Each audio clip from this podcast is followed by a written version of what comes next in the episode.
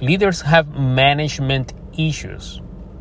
And not only because of the high turnover we are living around the world, but also because of the supply chain crisis that hasn't been fixed yet.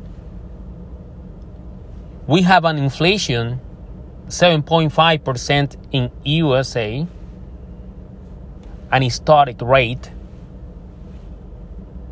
Those are economic variables that affect the performance of any business. Now, leaders have to step up and look for creative ways to attract, to retain people, to retain great talent, and to make sure the resources they have are managed in a productive way. So, one of the biggest challenges of leaders right now is about productivity, productivity management. So, please don't discuss and don't debate about the difference between leaders and managers because if you are a leader of a business, you have to be an expert manager, a great manager. And if you are a manager, you have to be a great leader. There is no separation between manager and leader.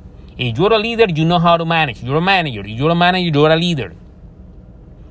So, starting from that point, you have the great challenge of not only leading people, but managing the resources available in a productive way. And I think that's the most challenging aspect of management and leadership right now is being productive because of all the economic situation we are living right now we have to manage effectively and efficiently so let's stop discussing about the difference between management and leadership because there is no difference. There is no difference at all.